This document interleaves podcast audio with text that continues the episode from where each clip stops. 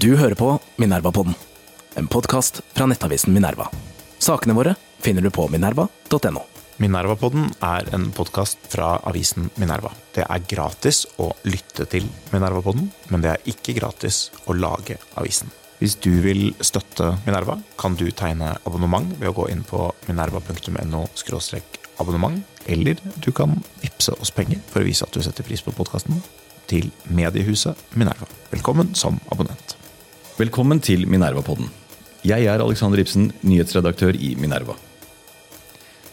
Jeg vet at vi er ditt utvalgte folk, men kan du ikke for en gangs skyld velge et annet?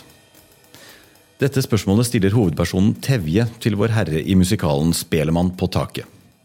Skikkelsen Tevje er jøde i tsartidens Russland og uttrykker et gjenvendende problem, nemlig hat mot jøder eller antisemittisme. Denne forfølgelsen har opp gjennom historien kommet til uttrykk i trakassering, pogromer og diskriminering, med nazistenes industrielle forsøk på å utrydde det jødiske folk som det mørkeste kapitlet av dem alle. Spørsmålet er igjen, beklageligvis, aktualisert ved krigen på Gaza. Israel-kritikk flyter i flere tilfeller over i antisemittisme. Under støttedemonstrasjoner for Palestina deltar enkelte i antisemittiske slagord. I Oslo måtte politiet fjerne et israelsk flagg med hakekors. Synagoger og jødiske institusjoner i Europa har blitt angrepet. Og Det mosaiske trossamfunnet i Oslo skrev følgende i en bekymringsmelding. Flere av våre medlemmer har de siste dagene opplevd truende hendelser mot sine hjem fordi de er jødiske. En familie fikk sine barnevognshjul skåret opp, og de ble vekket av at noen forsøkte å bryte seg inn i deres hjem. En gutt på ungdomsskolen ble truet med at huset hans skulle bli bombet. I Norge har vi en svært liten jødisk minoritet. I andre europeiske land hvor det bor flere, viser undersøkelser at godt over en tredjedel vurderer å utvandre ut av sikkerhetshensyn. Hvorfor blir vi aldri kvitt antisemittismen? Dagens gjest er Johannes Due Enstad fra Institutt for samfunnsforskning. Han studerer bl.a. europeisk samtidshistorie, høyreekstremisme og antisemittisme. Johannes, hjertelig velkommen til Minerva-podden. Tusen takk.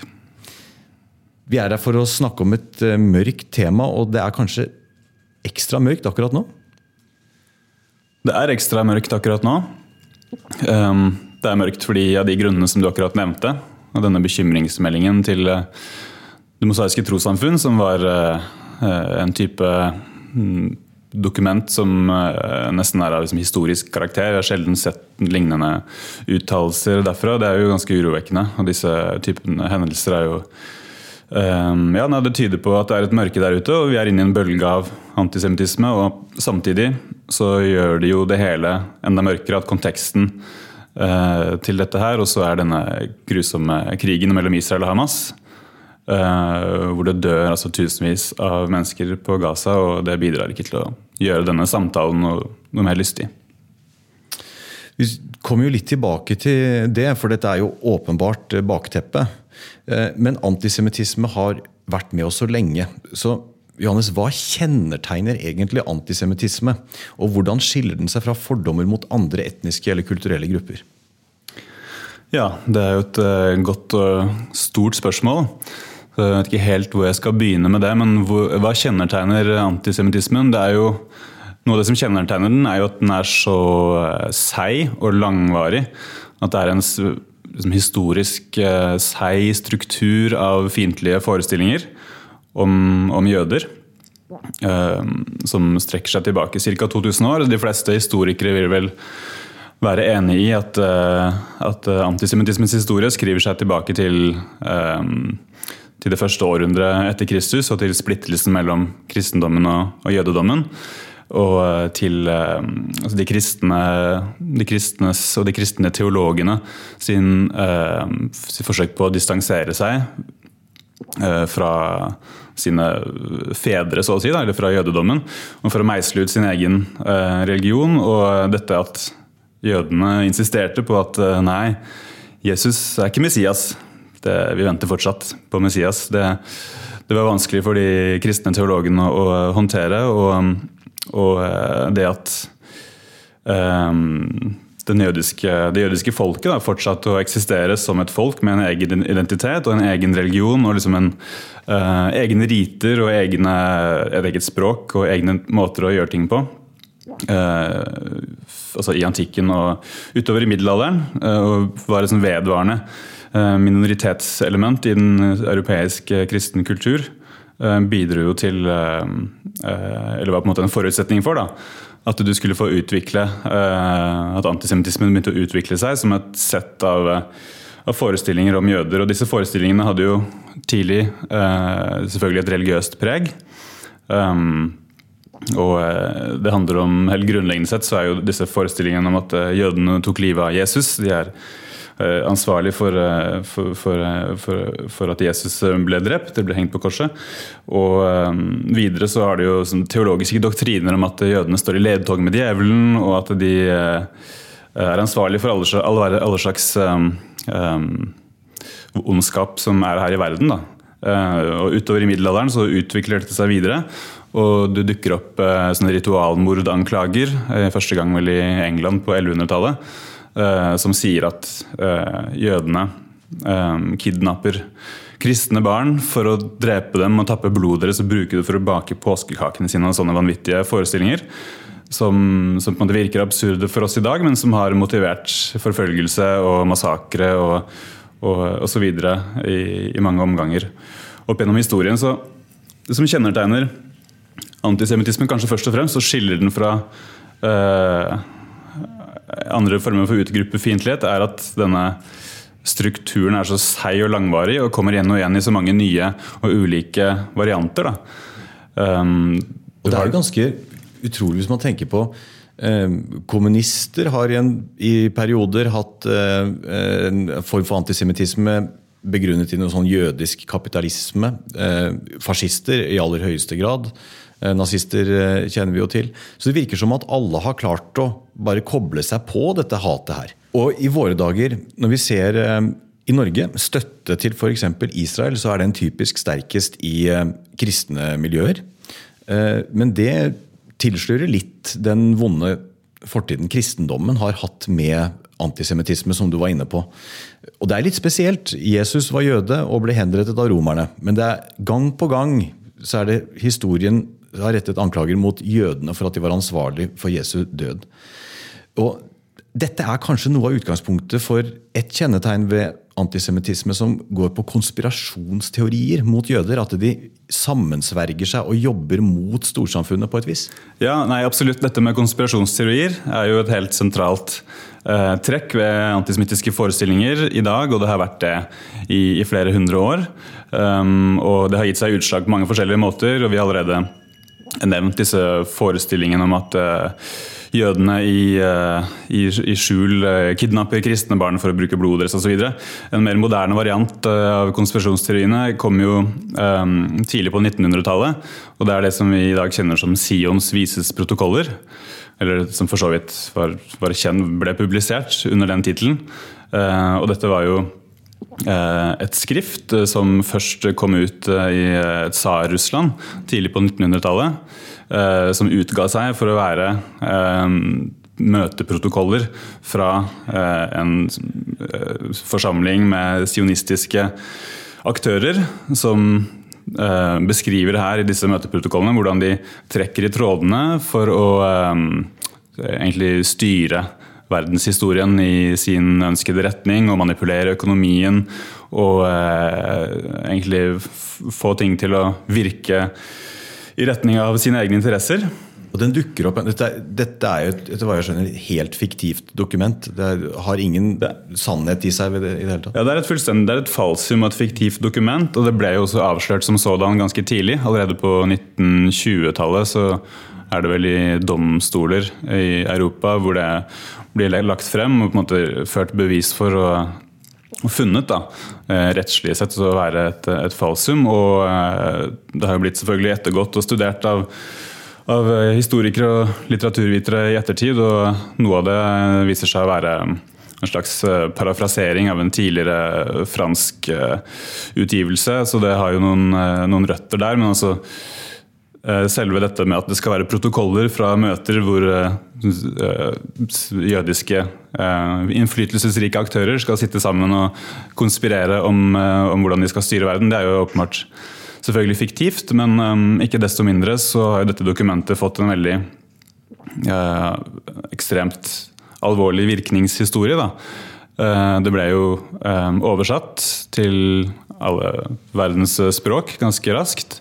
Og fikk stor spredning og ble lest mye. Eh, og ble tatt for, eh, for å være sant. Og dersom det ble altså Folk fikk jo åpenbart vite at dette dokumentet um, hadde blitt funnet å være et falsum, men da vil man eh, fra antisemittisk hold da respondere at ok, det er kanskje ikke sant det som står der, men likevel så beskriver det hvordan jødene faktisk opererer. Mm. Um, og eh, en av disse bøkene som har blitt um, skrevet om protokollenes historie, heter jo 'Warrant for Genocide', og, som jo uh, sier litt om, um, om den mørke virkningshistorien. Da. Uh, men det forsvant jo ikke heller etter 1945. Vi ser jo at uh, disse protokollene dukker opp igjen uh, i ulike sammenhenger. og Selvfølgelig så reproduseres de i høyreekstreme miljøer osv. Men de ble også oversatt til uh, arabisk ganske tidlig, på 1920-tallet. Og ble allerede på 1920-tallet og 1930-tallet brukt i sånn antijødisk agitasjon fra, fra det palestinske nasjonale lederskapet Eh, og aktører der, da, som eh, en som heter Amin El-Husseini, som var eh, en av de fremtredende lederne for den palestinske nasjonalbevegelsen på 20- og 30-tallet. Som brukte dette her aktivt i å mobilisere til kamp mot de jødiske innvandrerne og sionistene i Palestina. Da. Og I dag så vil du jo finne dette her igjen og igjen på internett, og det dukker opp i ulike sammenhenger. og, og av og til så hører du Eh, mer fremtredende skikkelser med intellektuelle kredensialer eh, vise til dokumentet. Her hjemme så har vi jo Johan Galtung som et eksempel på en person som i senere tid har uttalt at uh, Sions vises protokoller uh, viser hvordan den sionistiske lobbyen opererer i dag osv. Hvordan Goldman Sachs opererer osv. Og, og så viser man til, i hvert fall hos noen miljøer, da, så viser man til hvor mange eh, med jødisk avstamning i særlig da USA, i eliten der, som, eh, som eh, har jødisk avstamning, da, enten det er i eh, Hollywood eller i, i eh, bankverden. Eh, og som, så tar man vel det da som et slags til inntekt for et syn om at de åpenbart jobber i det skjulte. Ja, nettopp. Og, um, og, det er jo et interessant sånn, dimensjon ved det hele. I USA særlig så, så har de jo denne overrepresentasjonen av eh, folk med jødisk bakgrunn eller avstamning i eh, en del ulike yrker. Som du nevner, eh, media, Hollywood og også bank og finans.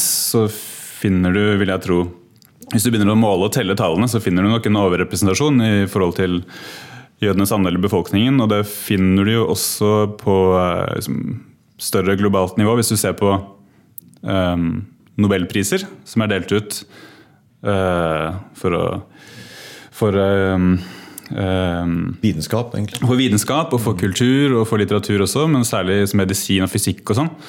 Så vil du finne at mens jødene utgjør hva er det for noe, 0,1 prosent av verdens befolkning, så har de altså personer med jødisk bakgrunn og står de for 20-30% av en del av disse nobelprisene. Og det har jo ikke sammenheng med at jødene konspirerer om å styre verden, men det har jo åpenbart sammenheng med at det finnes en jødisk tradisjon for utdannelse og for å, um, tolkning og lesning av tekster og for å, uh, boklig lærdom, som går veldig langt tilbake. Uh, og som man også finner um, kilder på at uh, også i middelalderen og langt, langt tilbake så, um, så, så er uh, de jøden, den jødiske minoriteten i stand til å drive en type arbeid som er basert på mm, tolkning og lesing av tekst på en annen måte enn majoriteten er i stand til. Ja, man kan jo se for seg Hvis man ikke hadde mulighet til å eie land eller drive som eh, flertallet, så blir du vel kanalisert og blir god i noe annet da. Og vi ser det innenfor bare Tenk så mange musikere det har vært opp igjennom. ikke sant? Eh, komponister òg, som eh, Mendelssohn. Men hvis vi ser på våre dager og Norge, hvordan står antisemittismen i Norge i dag? Er den mindre utbredt enn andre steder? Mer utbredt? Hvordan, hvordan ligger vi an? Ja, um, Hvis vi skal måle dette her med holdningsundersøkelser, uh, som jo gjøres uh, hos oss uh, via Holocaust-senteret, og har blitt gjort i tre omganger nå, en i 2012, en i 2017 og en i 2022, så, og da stiller man jo folk en rekke spørsmål og en, en rekke påstander om, som er ment å reflektere negative fordommer om jøder. og så lager man et mål på hvor høy prosentandel av befolkningen som slutter seg til uh, slike påstander. Og i Norge så er jo den andelen 8-10 eh, eller der omkring, som er relativt lavt i en global sammenheng. Da. Det er fortsatt mange, da? Det er fortsatt mange. Så hvis du tenker på at det eh, bor er det 5,5 millioner mennesker i Norge, og at 10 av dem slutter seg til mm. antijødiske stereotypier, så er jo det ganske mange mennesker. Mm. Um, og i tillegg så vil det jo være en større andel som, som kanskje føler at noe av det av de, noen, noen, av disse stereotypiene har noe for seg, men som ikke er villige til å gi uttrykk for det i en sånn spørreundersøkelse.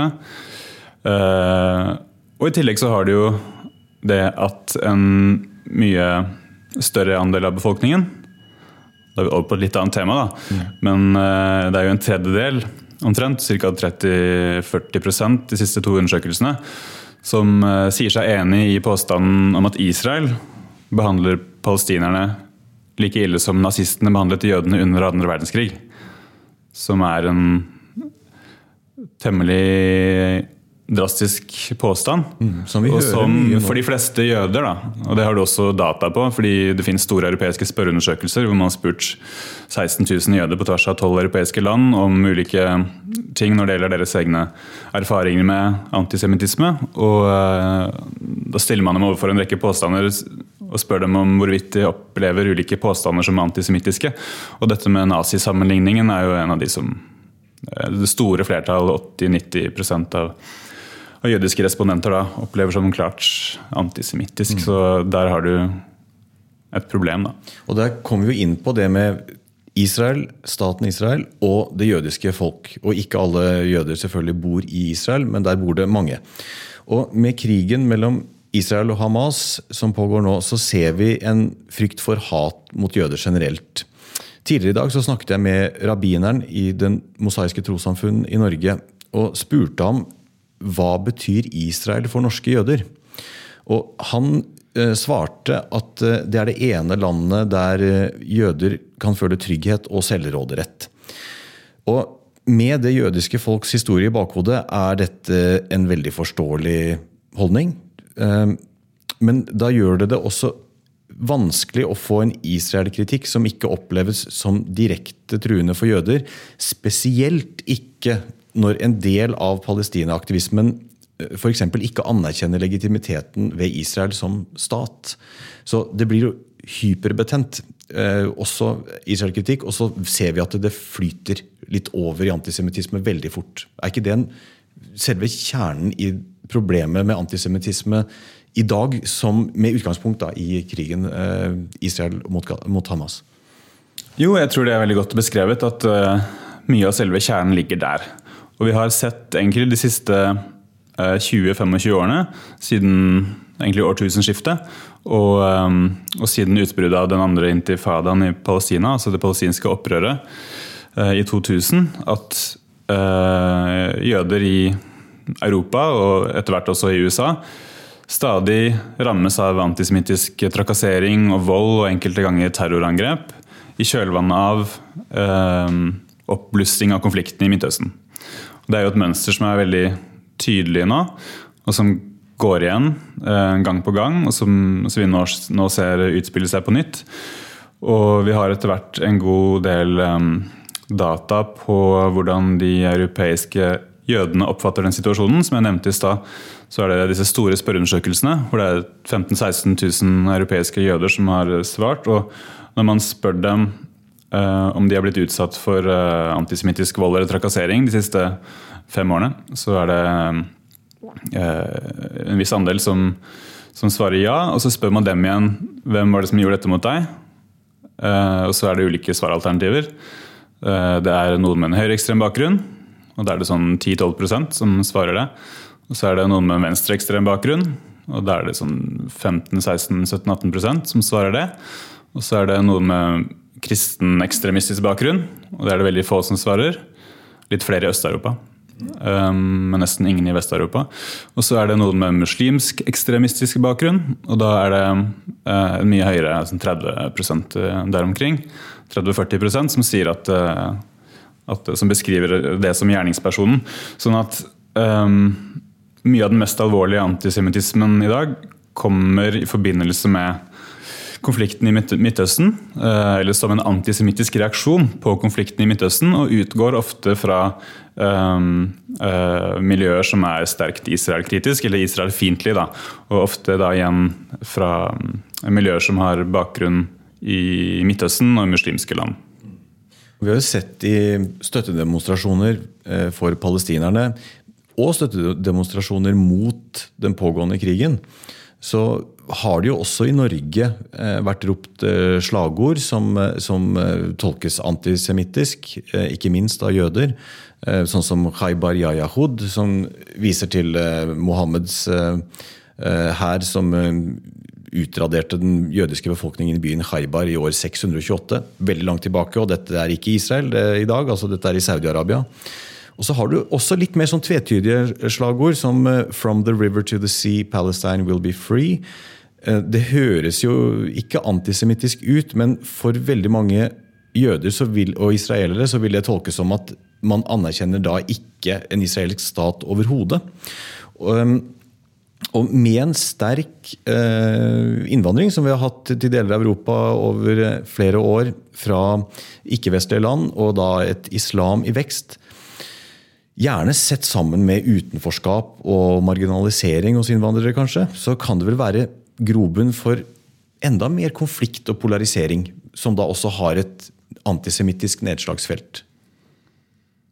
Ja, jeg tror det kommer til å bli verre før det blir bedre for, um, for jøder i Europa når det gjelder um, når det gjelder disse, denne bølgen av antisemittisme vi ser nå og som trolig kommer til å komme igjen i fremtiden. Men det er verdt å merke seg at når det gjelder disse um, slagordene som ropes under demonstrasjonene, så er jo noe av det, uh, dette som går på 'river to the sea' osv., blir jo tolket utvetydig fra jødisk hold som regel som, som uh, et uh, rop om å om å utslette Israel eller om å opprette et, et Palestina i hele området. Det vil Si, erstatte den jødiske staten med, med noe annet. Er det, noe det er nok, det er nok mange, mange av de som roper dette, mange av de som står i demonstrasjonene, tror jeg kanskje ikke opplever at det er det de mener.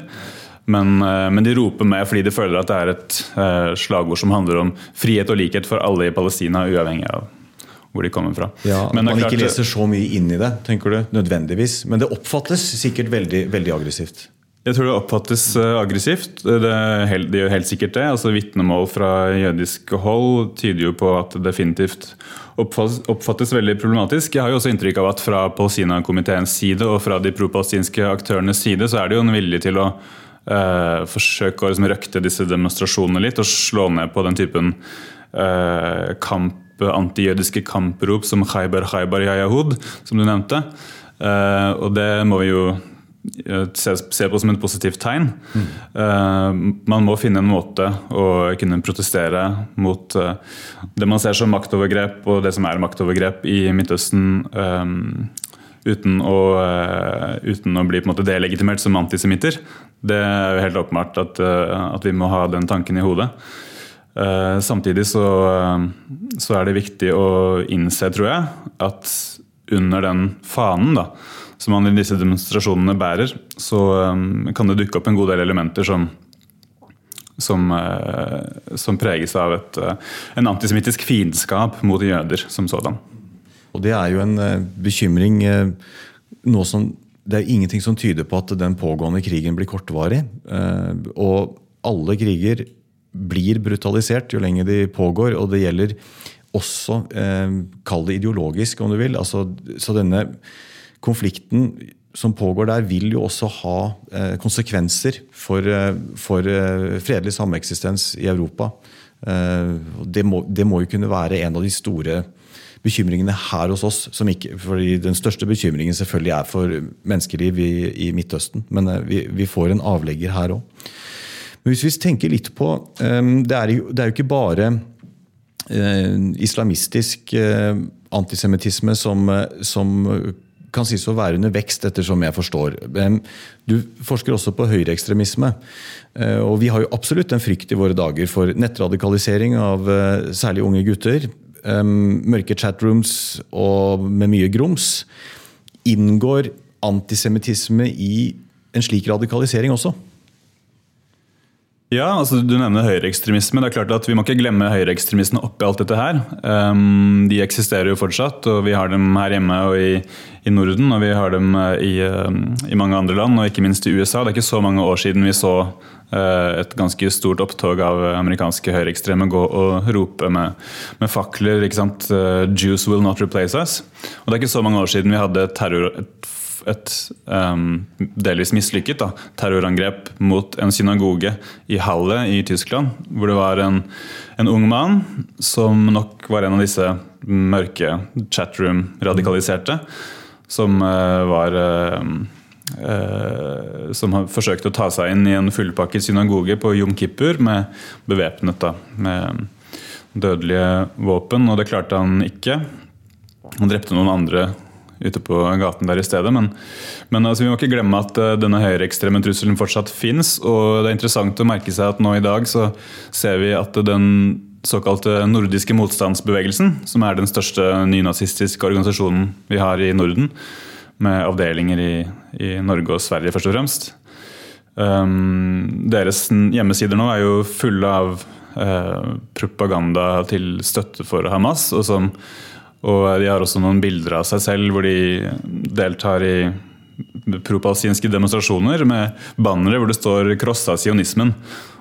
Sånn at, og der har er en forunderlig forening, det der der. Der har du en forunderlig forening som med all tydelighet viser at uh, den gode saken det kan være å kjempe for, uh, et, uh, for palestinernes rett til å leve i fred og i verdighet, kan um, om ikke kuppes, da. Du kan få med deg noen nisser på det lasset, og disse er ofte høyreekstreme, som vi kan se.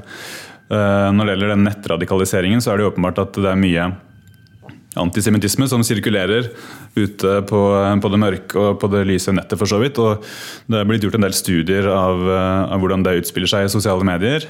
Um, og det er jo ganske mye av det, og det er mer av det jo mindre moderert disse Eh, plattformene er. Da. Eh, og det er jo hele tiden en sånn latent uh, trussel, og særlig når det gjelder ensomme ulver som, skal, som går helt opp i og blir helt besatt av en forestilling om at jødene er i ferd med å ødelegge vårt land, eller altså den typiske høyreekstreme konspirasjonsteorien nå til dags når det gjelder jøder, er jo at de står bak og orkestrerer den muslimske innvandringen, sånn at de skal bidra til å liksom oppløse våre nasjonalstater stater for å kunne styre selv. Og eh, folk som sitter og blir besatt av den typen forestillinger, vil åpenbart kunne utgjøre en trussel også, så det må vi jo ikke glemme oppi alt dette. Vi nærmer oss eh, slutten, Johannes. og eh, I 2015 så døde Samuel Steinmann, den siste jødiske nordmannen som overlevde Auschwitz. Og Det tenker jeg har en viss det, det tegner seg et bilde nå om at holocaust begynner å bli lenge siden. Og holocaust var jo det klareste uttrykket for at all denne grumsete antisemittismen kan føre til noe så eh, katastrofalt. Og jeg, jeg, pleier ofte å tenke mye kritisk jeg er jo om 68-erne, men akkurat her innbiller jeg meg at de var mer vaksinert mot antisemittisme enn generasjonen før, som hadde vokst opp med litt sånn hverdagsliggjort eh, jødeforakt, og ikke hadde, som stammet fra før krigen. Eh, men kanskje også neste generasjon, fordi det begynner å bli et såpass fjernt minne at vi har ikke den, eh, disse antistoffene mot, eh, mot antisemittismen i kultur, den kulturelle blodbanen på samme måte. Så man kan vel også bli litt bekymret for bare det. At når, når ting kommer litt på avstand, og, eh, så viser det seg at det, dette tankegodset som har overlevd siden eh, tidlig middelalder, og klarer å dukke opp igjen og anta ny ham, Så det i seg selv er vel også en bekymring. Det er definitivt en bekymring. Um, altså uh, Auschwitz-erfaringen, for å si det sånn, var jo en uh, til en viss grad en, en, vaksine i hvert fall mot å gjøre antisemittismen liksom, politisk korrekt uh, i demokratiene i lang tid etter andre verdenskrig, og ikke minst fordi vi har tidsvitner og vi Um, har hele tiden hatt mennesker som har opplevd og overlevd selv, som kan gå ut i skoleklasser og i offentligheten for øvrig og fortelle sine historier. Uh, og disse menneskene er jo i ferd med å um, dø ut. Og det er klart at uh, da mister vi et viktig verktøy da, for å vedlikeholde den beredskapen. Um, og når det skjer, så blir det jo desto viktigere at vi at vi finner nye verktøy og kanskje forsterker de vi allerede har. Som, som, eh, og et som jeg vil trekke fram deg, og dette her eh, tiltaket som er veldig flott, som Det mosaiske trossamfunnet i Oslo har, som heter De jødiske veiviserne. Som er unge norske jøder som er 18-19-20 år, som går rundt på videregående skoler i hele landet. Og besøker klasse etter klasse og får der 90 minutter til å sette seg ned og fortelle litt om hva det innebærer å være en jødisk nordmann, eller en norsk jøde, um, og diskutere med elevene spørsmål om identitet og fordommer og antisemittisme og utenforskap og innenforskap og, um, og, og, disse tingene her. Og bare det i et land som Norge, hvor det er så få synlige jøder, at uh, tusenvis av ungdommer på den måten får anledning til å møte noen og se at uh, jøder er vanlige mennesker, det er ikke nødvendigvis uh, Uh, altså, de har sin egen identitet, og de er forskjellige. og Noen uh, har um, sterk religion, andre har ikke så sterk religion. og Noen har en forbindelse til Israel, andre har ikke det. Uh, men bare den erfaringen tror jeg at gjør at når de tidsvitnene dør ut, så, så, blir disse tiltakene å gjøre det jødiske mer synlig for oss, blir desto viktigere. Fordi vi er jo ikke en veldig synlig minoritet i, i Norge. Nå ser dere vel knapt folk med kippa, f.eks.? Nei, man gjør jo knapt det. og det, det er jo eh, delvis fordi de er så få, og så er det delvis fordi at dessverre så er det mange jøder som ikke våger å vise seg med kippa ute.